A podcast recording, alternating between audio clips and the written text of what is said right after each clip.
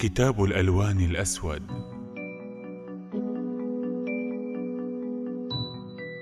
يقول إبراهيم إن طعم اللون الأصفر يشبه طعم الخردل لكنه ناعم مثل ريش الصوص الصغير.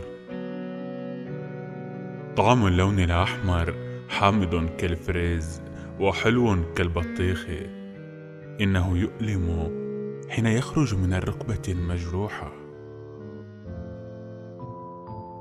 اللون البني يخشخش تحت قدميه حين تكون أوراق الأشجار متيبسة.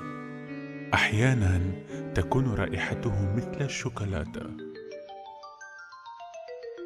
وأحيانا تكون سيئة جدا. يعرف إبراهيم أن الأزرق هو لون السماء. عندما تدفئ رأسه. لكن حين تقرر الغيوم أن تتجمع ويبدأ المطر بالنزول تصير السماء بيضاء. وحين تطل الشمس من خلف المياه النازلة تظهر كل الألوان لتصنع قوس قزح. يفكر إبراهيم أن بدون الشمس تكون المياه دون صفات. ليس لها لون ولا طعم ولا رائحة.